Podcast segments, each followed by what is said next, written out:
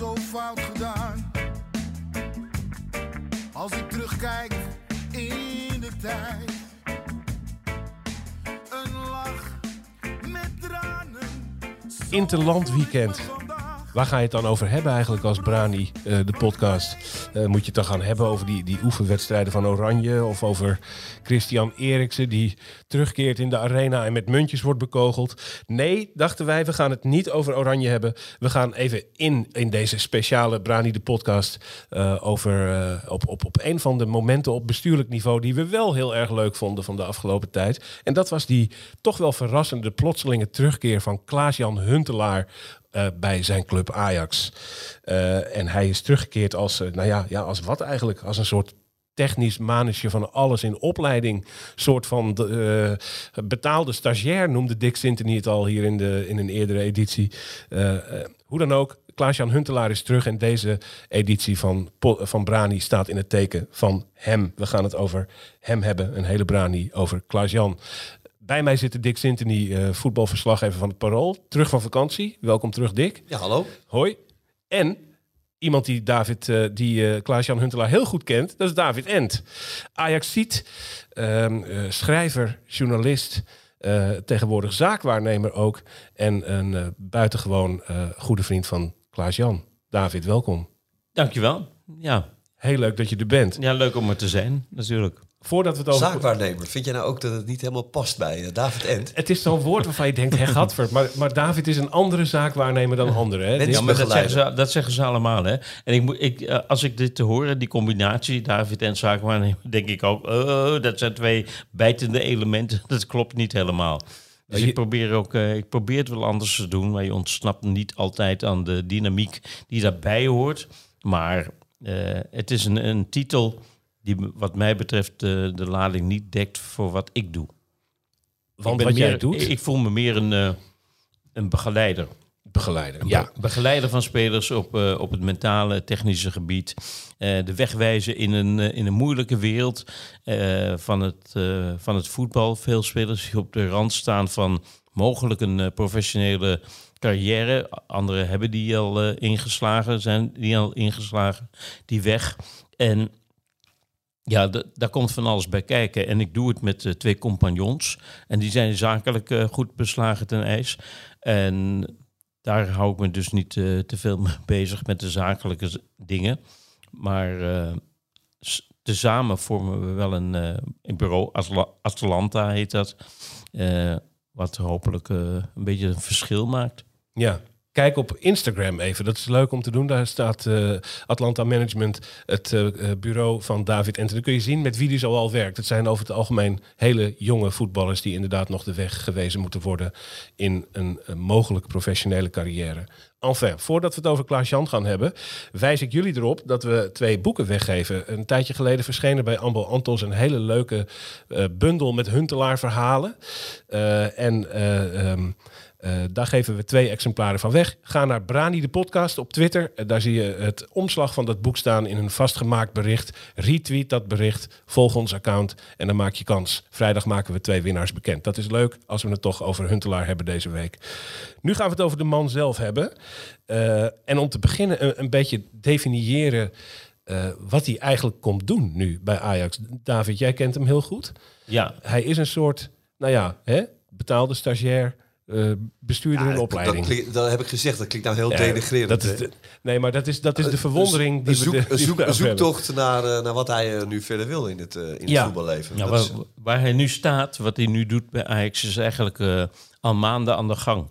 Hij, eh, na zijn carrière heeft hij een beetje gezocht, heeft de vrijheid gevonden. Maar eh, dan heb je altijd ook nog de drang om iets te willen betekenen in deze wereld. En eh, wat kan je eigenlijk goed? Dat is voetbal. Iets met voetbal. Hij heeft vier kinderen en drie jongens. En die, die voetballen ook allemaal. Dus hij traint ze.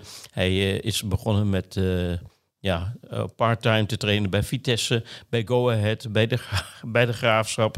En hij had ook wel belangstelling in dat hele andere aspect... wat je als voetballer ja, een beetje vaag schimmig... zoals wij dat misschien ook wel zien, hè, eh, van het eh, technisch directeurschap. En toen is hij al een beetje aan de hand van Mark Overmars...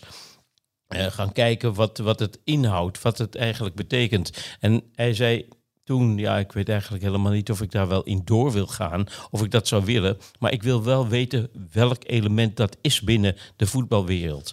En eh, ja, na het eh, vertrek van, eh, van Mark is dat iets meer geconcretiseerd.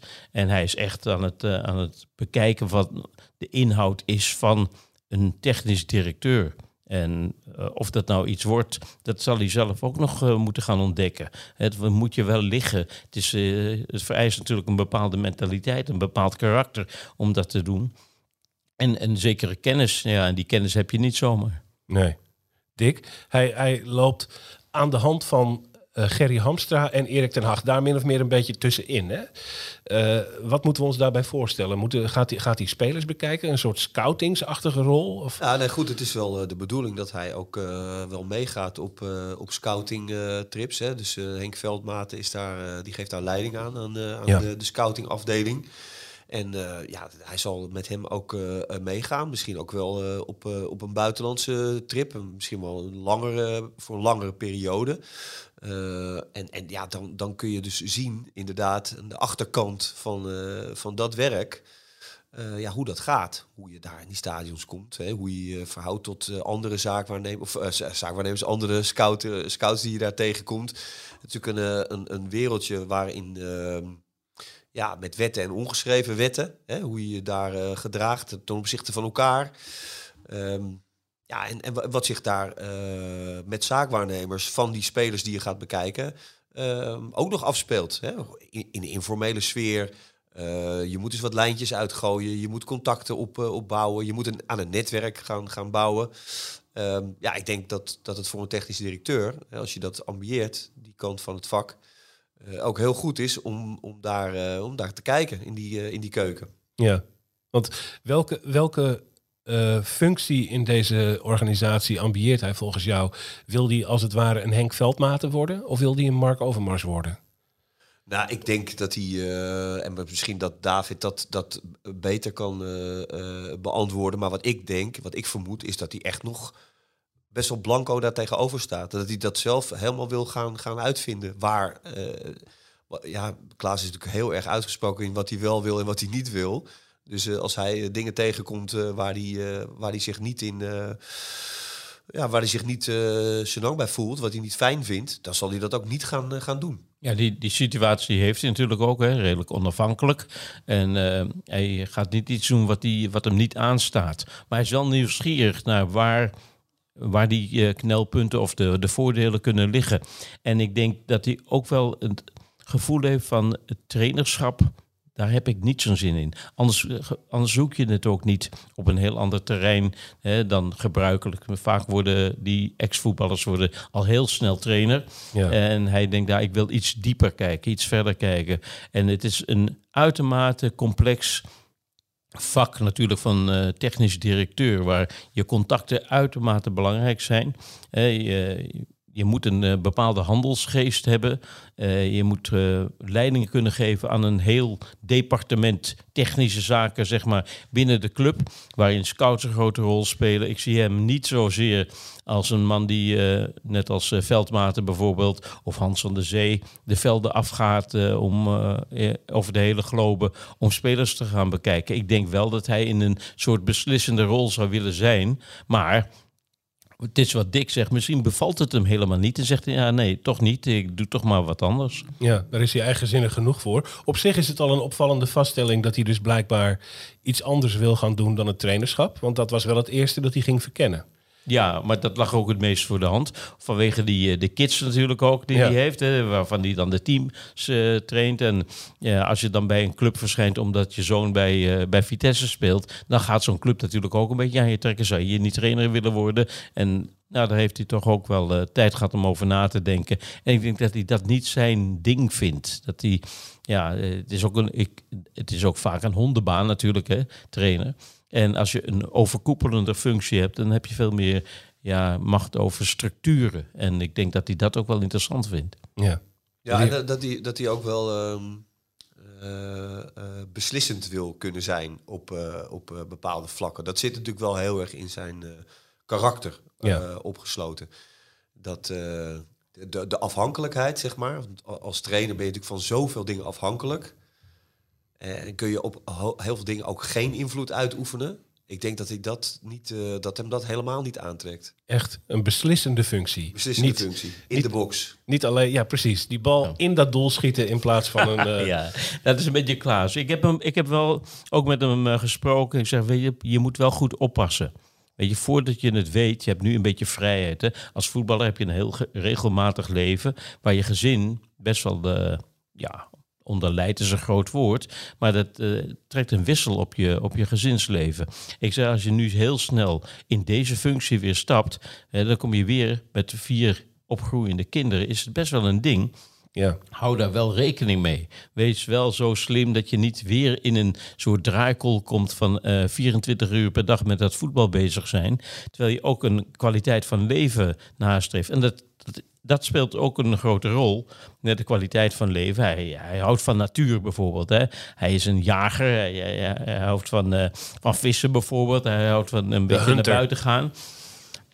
En eh, Maar wat zei hij op dat, dat- advies van jou? Wat, eh, hoe reageerde die? Ja, nou een beetje zo van ja, ja je hebt wel gelijk. Hè, dat ik, ik moet niet alles, alles weer meteen op, eh, oppotten. Niet, eh, niet meteen helemaal vol raken met, eh, met dat werk. En daarom is deze periode ook wel goed om te zien voor hem wat het vraagt. Weet je, hoeveel tijd je daaraan kwijt bent. Want je bent echt 24 uur per dag moet je bijna beschikbaar zijn om dat telefoontje uit Zuid-Amerika misschien op te nemen. Of hè, omdat Veldmaten daar op de tribune zit en zegt ik moet nu toeslaan. Want als ik het niet nu, niet nu doe, dan komt het niet voor elkaar. Een beetje extreem gesteld.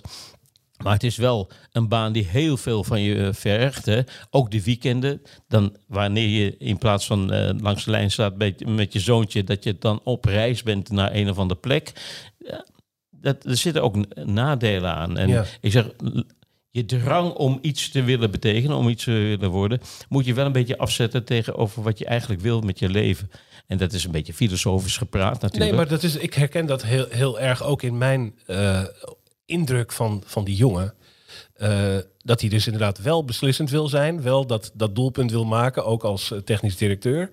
Maar tegelijkertijd past het voor mijn gevoel weer helemaal niet bij hem... dat hij 24 uur per dag bereikbaar moet zijn... en voortdurend die telefoon...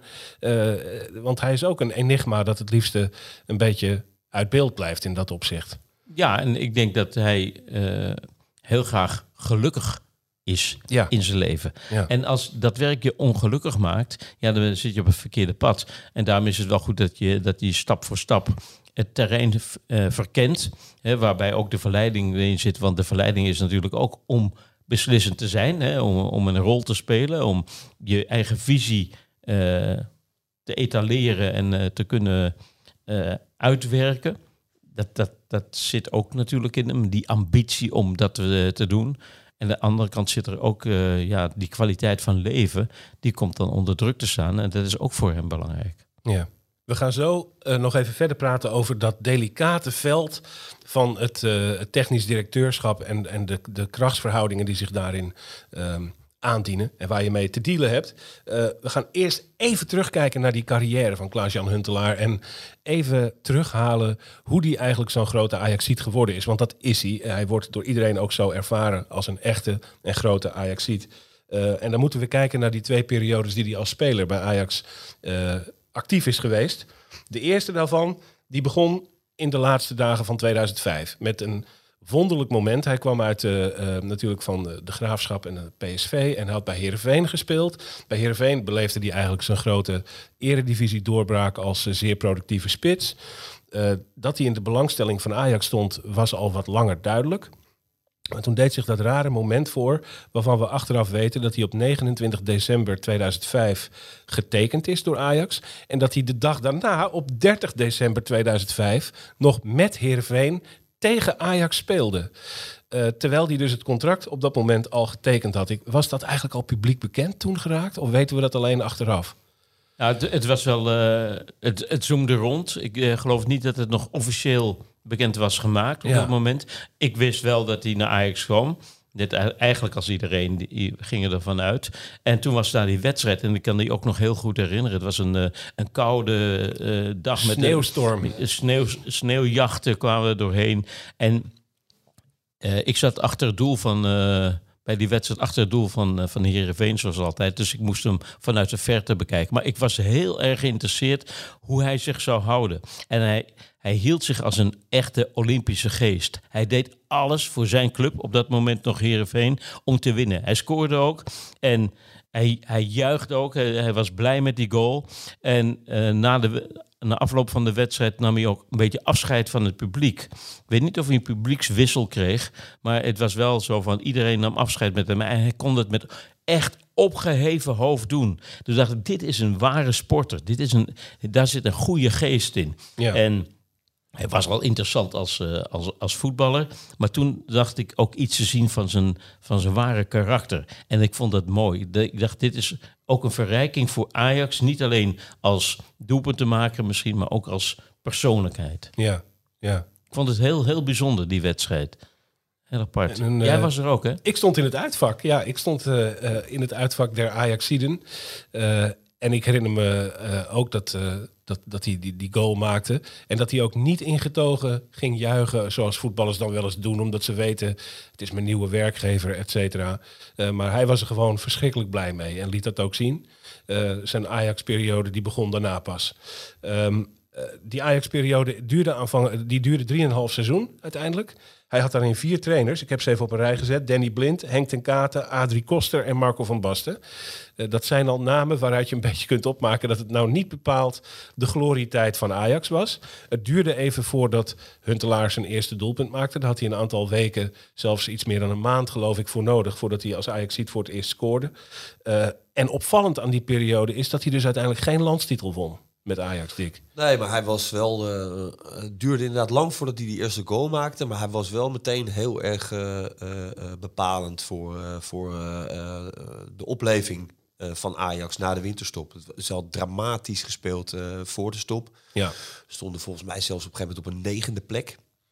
en kropen gaandeweg langzaam omhoog. hij scoorde een prachtige goal tegen Inter.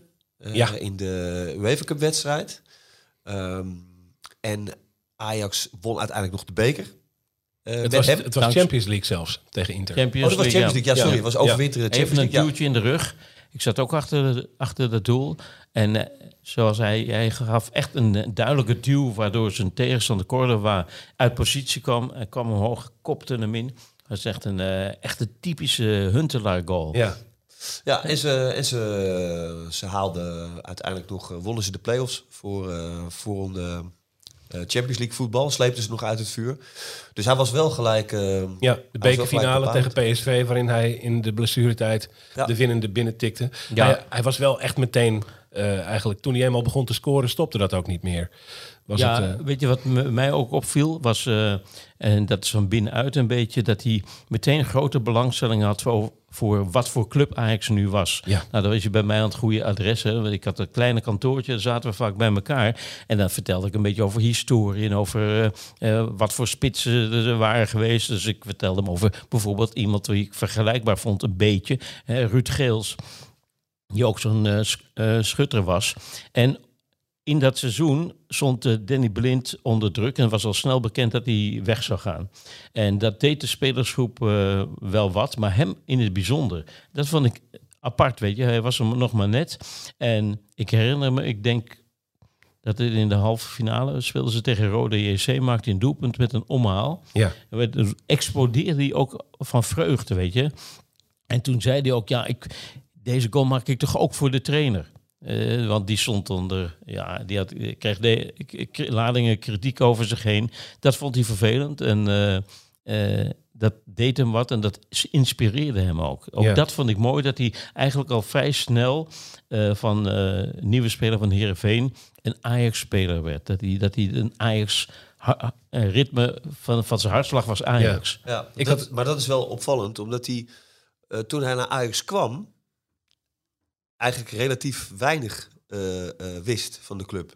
Niet meer dan algemeenheden. Maar het is wel iets wat hij zich eh, graag eigen maakt. De omgeving waarin hij is, waarin hij verkeert, Ja. daar wil hij eigenlijk alles van weten. Hij wil de mensen ook leren kennen. Belangstelling voor mensen, ja, Ja. precies. Ja. Ik kan daarop inhaken met een heel mooi persoonlijk verhaal. Ik werkte in die tijd bij het programma FC Godenzone op AT5. En toen hadden we Klaas-Jan als uh, betrekkelijk uh, jonge Ajaxiet, uh, of nieuwe Ajaxiet, te gast.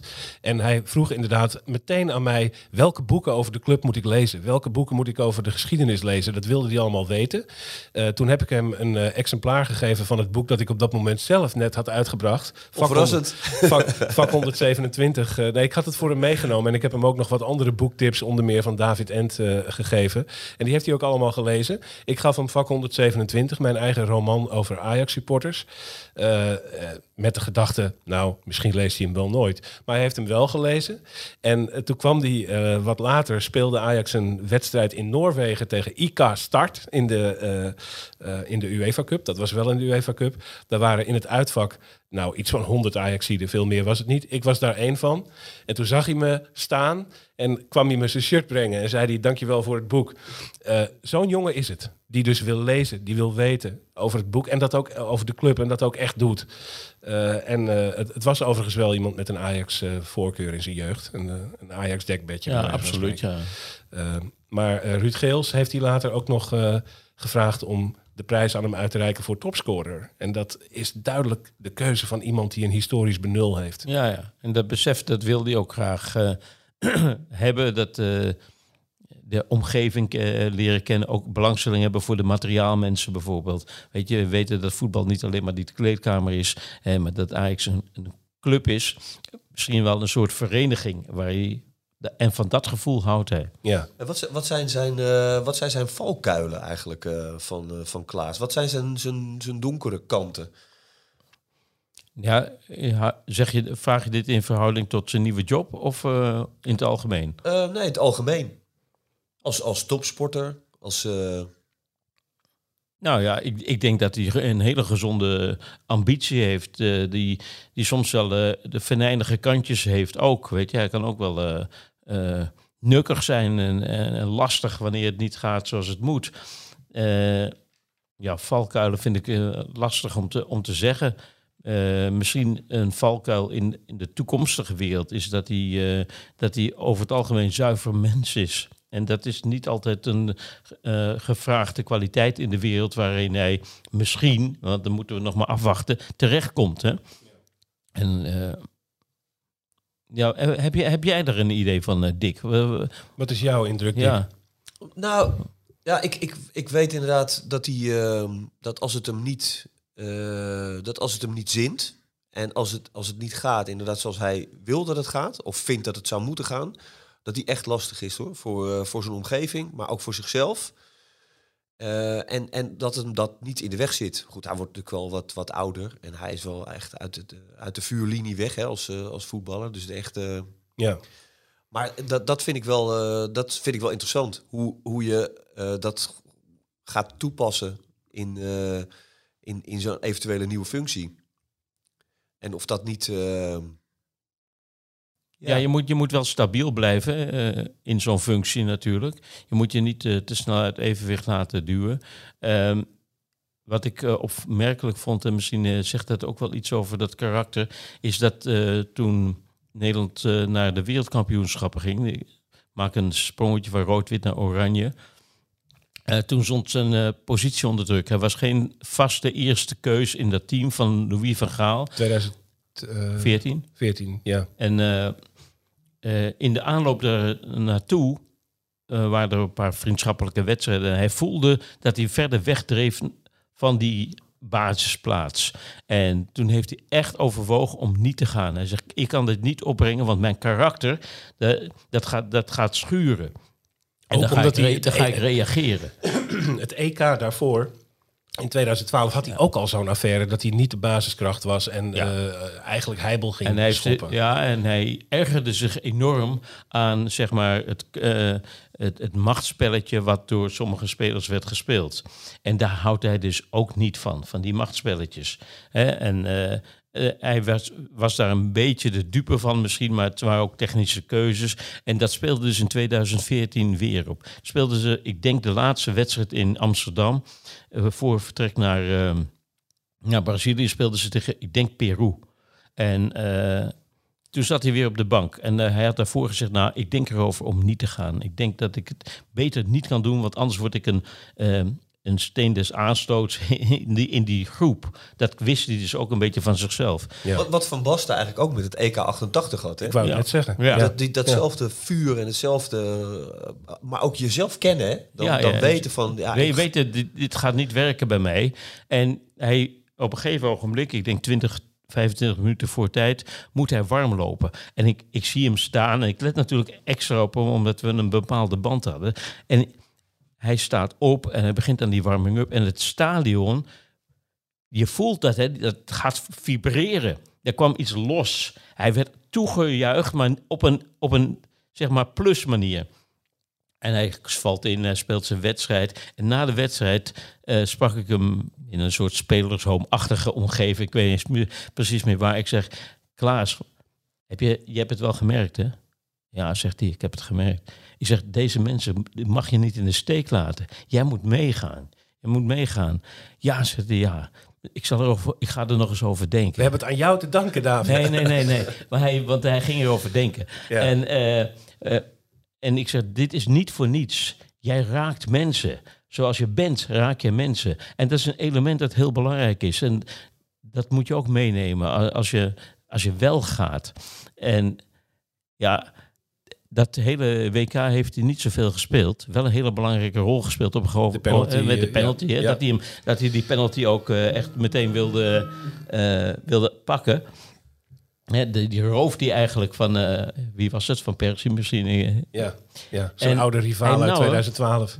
En na, na het WK waarin hij weinig had gespeeld, sprak hij weer. Hij zegt, ik had het nooit willen wi- missen. Ja. En dat hele, had heel erg met de aanpak van Louis te maken, die een eenheid maakte van die groep. Ook dat zegt veel over Klaas, want hij wil als groep, wil hij, hè, al- als, eh, als gemeenschap wil hij iets bereiken. Dat, dat is belangrijk voor hem. Dat het niet alleen maar eenlingen zijn, maar dat Ja. je met elkaar wat doet. Eh, gevraagd is eh, in een interview eh, wie hij nou eh, de, de beste trainers vond die hij heeft meegemaakt in zijn, eh, in zijn carrière. En toen noemde hij Van Gaal, eh, Erik ten Hag en Gert-Jan Verbeek. En los van... Los van eh, Verbeek? Ja, nou, maar, nou, maar los Ja. van, de, van de capaciteiten of wel of niet het winnen van prijzen... zie je wel, eh, dat zijn alle drie trainers die heel erg eh, hun eigen weg gaan. Heel erg eh, betrokken zijn. een eigen visie. En daar niet van afwijken. Ook heel koppig. En teambuilders. En ook wel teambuilders. Ja. Ja. ja. Even versnellen. Die, die periode, de eerste 3,5 seizoen van Klaas-Jan Huntelaar bij Ajax... scoorde die uiteindelijk 105 doelpunten in 136 wedstrijden. Ongekend aantal eigenlijk. Hij vertrok eh, in december 2008 voor 27 miljoen euro naar Real Madrid. Dat was minder succesvol. Uiteindelijk werd hij wel met zeven seizoenen op rij eh, een clubicoon bij Schalke. Eh, daar was hij eigenlijk een, een hele grote meneer. En zijn terugkeer wat kwam dan bij Ajax in juni 2017.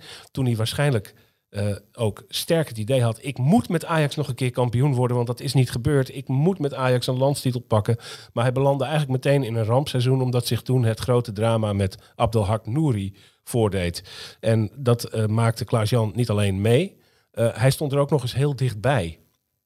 Ehm, op welke manier heeft hem dat aangegrepen, David? Ja, als, als mens eh, enorm. Eh, de machteloosheid eh, die, eh, die hij voelde, ja, dat, dat, dat doet heel veel met je.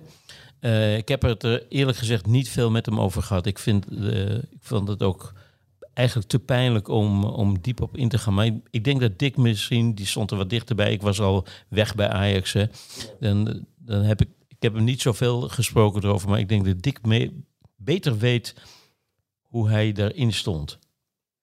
Ja, nou niet, niet, niet, niet extreem veel beter, maar wel dat hij was wel een van de oudere spelers eh, in, die, eh, in die groep. En dat kon je ook wel merken dat de, de oudere spelers ehm, daar eh, iets meer ehm, sturing aan konden geven. De jonkies waren echt, echt ondersteboven en volledig van slag. En, en zij hebben wel, die oudere spelers, waren niet heel veel een paar, die hebben wel echt geprobeerd om, dat, eh, om, om die, die rol van ouderen in die groep eh, op zich te nemen. Dus, dus Klaas heeft zich ook niet heel erg eh, uitgesproken over, over het drama. Maar volgens mij intern en binnen die groep wel echt opgeworpen als, ja, als, als, als leider. En dat, dat hoorde je wel van andere spelers, weet je, dat ze daar wel op konden blijven varen. Maar goed, het was, er, was geen, er was natuurlijk geen kruid eh, eh, tegen te wassen, Nee, dat sportief seizoen- gezien.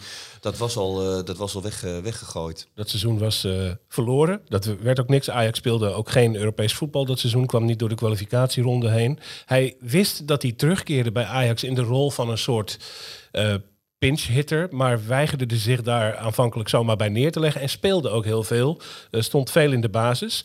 Eh, uiteindelijk het seizoen daarna werd het grote successeizoen in de Champions League. Eh, toen speelde hij in de competitie veel, maar in de Champions League eigenlijk nauwelijks. Eh, in, dat, eh, in die campagne speelde hij niet zo'n hele grote rol. Ehm, kwam uiteindelijk in zijn tweede periode als Ajax ziet wederom boven de 100 wedstrijden uit. 108 met 53 doelpunten, waarvan veel als invaller. En dat bracht zijn totaal op 243 wedstrijden voor Ajax met 156 goals. Een bijna, bijna bizar eh moyenne, zou je kunnen zeggen.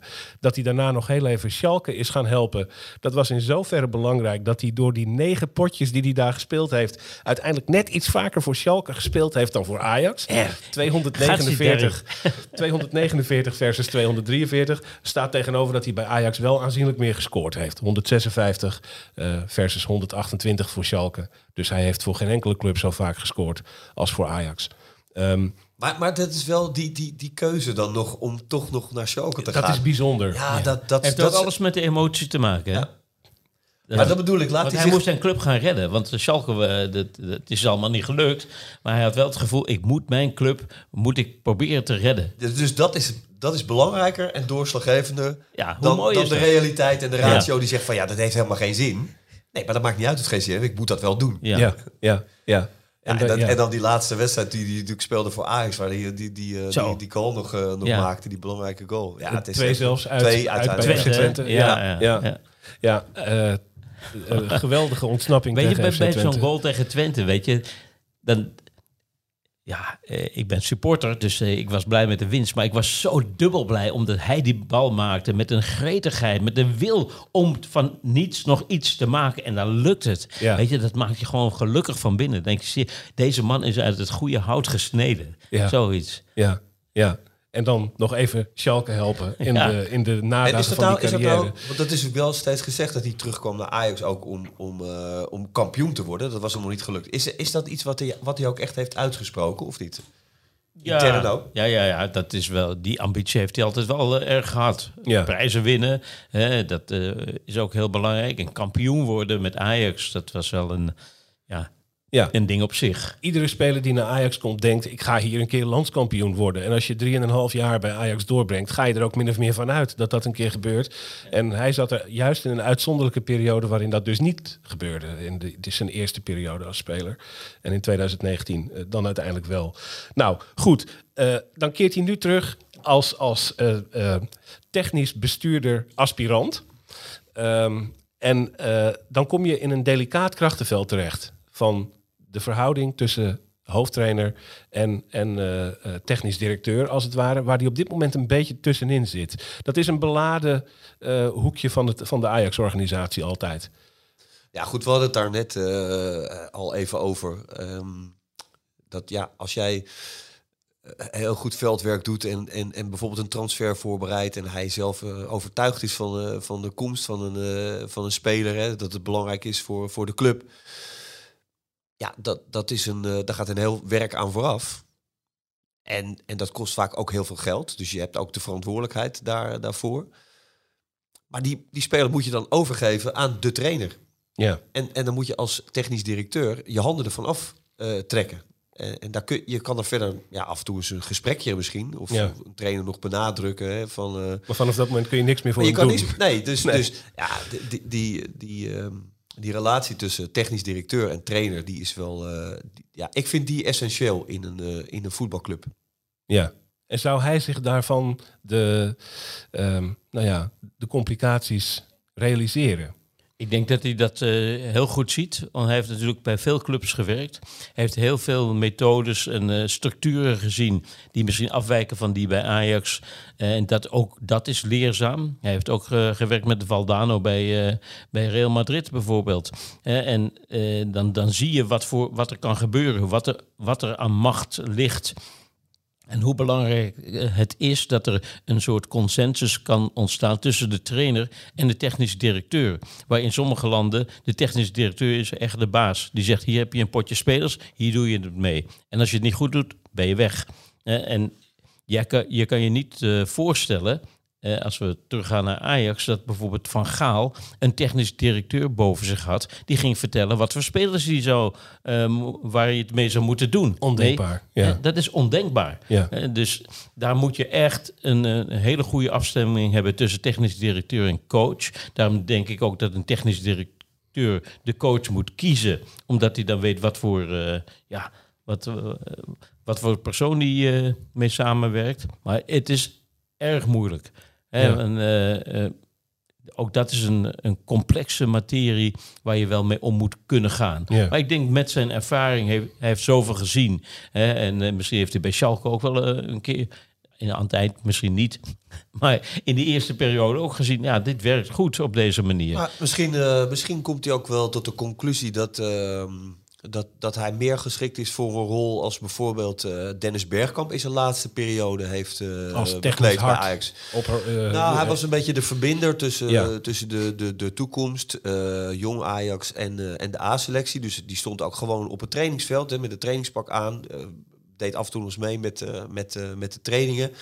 Ehm, maar was ook veel op de toekomst te vinden. Nou, Ja. Misschien komt hij wel tot de conclusie dat hem dat nog veel beter ligt dan drie keer in de maand eh, in het vliegtuig eh, stappen om, eh, om met, met spelers in Brazilië of Argentinië te Ja, gaan. en wat, te dacht- gaan wat dacht je van, we, je noemde het zelf net ook, hè, met die, het telefoontje, dat blijft maar gaan. Hè, want je wordt door allerlei mensen gebeld, door de grootheden uit de zakenwaarnemerswereld tot aan eh, charlatans, eh, van wat voor kaliber dan ook. En daar Maar- prikt hij dwars doorheen, toch Klaas? Door charlatans. Dat mag je hopen, maar je weet het niet. Charlatans hebben vaak wel een, een, een bepaalde charme. Charmatans. Ja, en, en, ze spe- en ze spelen sowieso een rol in die wereld. Of je dat nou leuk vindt of niet. En je zal Ja. ze ook te woord moeten staan. Ja. Weet je, je kunt ze je niet moet ze te negeren. woord staan. En, en vaak gebeurt het dat ze het niet opnemen. Dat, je, hè, dat, dat zeg maar technische directeuren die ja, klikken dat weg. Maar op een gegeven moment, je moet wel bere- bereikbaar zijn. Je moet beschikbaar zijn. En dat is, ja, ik zou het niet kunnen. maar dat is duidelijk. Nee, en, ik, en ik denk ook wel eerlijk gezegd dat hij, eh, dat hij misschien nu eh, ook nog wel, omdat hij ook, hij is natuurlijk qua pas speler af, dat hij ook wel dichter eh, op, op, op die, op die A-selectie, op, die, op dat voetbalgedeelte staat, de trainer, weet je, die afstand is natuurlijk voor hem veel kleiner dan... hij, hij eh, kent ze, de meeste. Hij, hij heeft en de nog meeste veel... spelers kent hij nog. Ja, Dus ja, ja. misschien eh, eh, zal hij eh, eh, in, in die beginperiode ook wel wat dichter nog eh, echt op die, eh, op die ploeg eh, zitten. ja. En, Ik, ik moet je eerlijk zeggen, dat eh, toen ik het eh, hoorde, toen hij me vertelde van, ja, ik loop ook op dat gebied mee, hè, want hij ging dus trainen bij, bij verschillende clubs. Hij zei, ja, maar ik, ga, ik loop ook een beetje mee eh, daar bij Ajax om te kijken hoe dat is met hoe het werkt. Dacht ik, ja, dat is gewoon nieuwsgierigheid. Maar ik, ik heb er echt moeite mee om me voor te stellen dat hij daar eh, keurig in, eh, in het pak, of misschien met een, eh, met een stropdas om zelfs, dat hij daar de technisch directeur is die alle, alle lijntjes bij elkaar eh, krijgt en eh, ook een bepaalde rol speelt. Ik, heb, ik zie dat niet zo voor me, maar ja, mensen kunnen je verrassen. Hè? En hij heeft wel die drang om dat te leren kennen. Dus er zal ook een drang zijn om, om zo'n positie te willen innemen misschien. In elk geval wil hij het aftasten en proeven en proberen. ja. Maar ik, ik zie dat eh, eigenlijk niet zo voor me. Nee. Nee, Komt, dus- komt dus- hij binnen, Dick, op een, op een eh, een kantelmoment. Eigenlijk, David legt net uit, eh, in buitenlanden is heel vaak de technisch directeur de grote baas van een club die bepaalt wat er gebeurt en welke spelers er komen. Bij Ajax is dat historisch gezien vaker de trainer die zelf kiest wie die wil hebben. Maar bij Ajax is dat wel enigszins aan het verschuiven geraakt, toch? In het tijdperk Overmars, waar we een technisch directeur hebben gezien die bepaalt wie er trainer wordt, die eh, ja, meer gezien werd als de architect van het geheel. En in, in die verschuivende werkelijkheid doet nu Huntelaar zijn intrede. Ja, daarom denk ik dat Ajax, ehm, eh, die zijn aan het zoeken naar eh, een, een manier, een nieuwe invulling eh, van, van het hele technische gedeelte. Ze hebben natuurlijk Gerry Hamstra al, al gehaald hè, als rechterhand van, van Overmars. Dus er is iemand die daar alle lopende zaken al sowieso voor zijn, voor zijn rekening neemt. Ehm, je hebt Edwin van der Sar nog in zijn rol als algemeen directeur. Hè, die, eh, waar, binnen Ajax en hij zelf zich ook wel afvraagt, denk ik, van uh, ga ik deze rol uh, op dezelfde manier blijven vervullen? Of ga ik misschien ook wel iets meer richting het sportieve, technische gedeelte? en komt er een andere algemeen directeur bij of naast? haalt Ajax sowieso een nieuwe technisch directeur. Hè? Die Dat zoektocht vraag, zijn ja. ze ook nog uh, uh, mee bezig.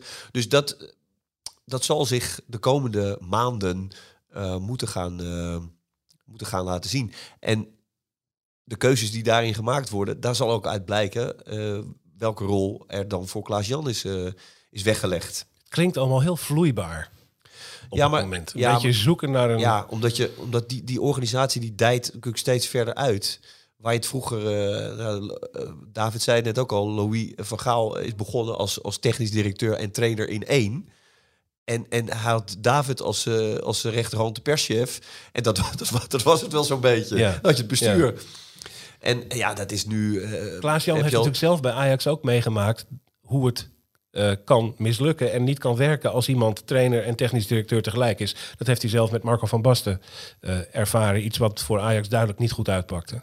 Ja, weet, weet je, technisch directeur zijn vereist gewoon hele specifieke kwaliteiten. En eh, dat is niet. eh, je kan een uitstekend voetbalinzicht hebben. Je kan eh, zien welke speler wel of niet geschikt is. Maar daar komt een heel traject bij. Want je moet onderhandelen. Je moet bezig zijn. En ja, dat, dat is een vak apart. En dat vak eh, verstond Mark Overmars uitstekend. En dat was eigenlijk bijna voorspelbaar als je het karakter van, eh, van Mark eh, eh, een beetje kende, hij was altijd bezig met, met handelen. Hij is een soort, van een kruidenier is hij, is hij directeur geworden van, van Albert Heijn, als het ware. Hij heeft die stappen gemaakt voor in zijn eigen leven. ook toen hij voetbalde, was hij altijd bezig met, met handeltjes, met dingen. Dus dat zit in hem. Dat is een bepaald karakter wat in voordeel is wanneer je technisch directeur bent bij een, bij een club. Dat je weet hoe je dat uitspeelt. Hoe je de, eh, iemand onder druk kan zetten zonder dat je hem eh, een mes op de keel zet. Al dat soort dingen, dat hoort daarbij. En dat is zo specifiek. En daarom is het niet gezegd dat iedere speler die op hoog niveau heeft gespeeld en inzicht heeft, die rol kan vervullen. Want, want Overmars heeft dat wel voor zichzelf heel sterk afgebakend. Hij weet waar, die wist waar hij goed in was. En dat was ook het enige hij deed. Ik wil niet zeggen dat hij niet veel deed, maar daar, daar legde hij wel echt de nadruk op. En dingen die hij En niet hij kon en niet hij had beheerste. er lol in ook. En daar had hij lol in. Ja. En, maar voor de rest schermde hij ook alles af. Deed hij niet. Weet je wel? Dus- Klaas-Jan eh, gaat zoeken naar wat hij precies kan betekenen voor Ajax. Ajax gaat zoeken wat Klaas-Jan Huntelaar precies kan betekenen voor de club. Eh, feit is dat we ons allerhard een sprongetje maakten toen die ineens terug was. Klaas-Jan Huntelaar terug bij, eh, bij Ajax. Eh, we gaan afronden. Ik wijs jullie er nog eventjes één keer op dat je eh, die prachtige bundel over Klaas-Jan Huntelaar die bij, bij Ambo Antos is verschenen, dat je die kunt winnen. Ga naar Brani de podcast, retweet het bericht dat je daar ziet staan, volg ons account en dan maak je kans op een van de twee exemplaren die wij weggeven. En wij gaan verder bij deze podcast als Ajax ook weer verder gaat. Komend weekend speelt Ajax uit tegen FC Groningen. Dat wordt een wat tricky wedstrijd. En eh, daar gaan wij maandag weer over napraten. Ik dank Dick Sintony voor het komen naar de Johan Cruijffschaal. Dankjewel Dick. En bijzonder veel dank aan David Ent voor het komen naar de Johan Cruijffschaal. Heel, eh, zaal. Heel leuk dat je er weer eens eh, was, David. En, Graag gedaan. en tegen jullie zeg ik tot volgende week. Tot de volgende Brani.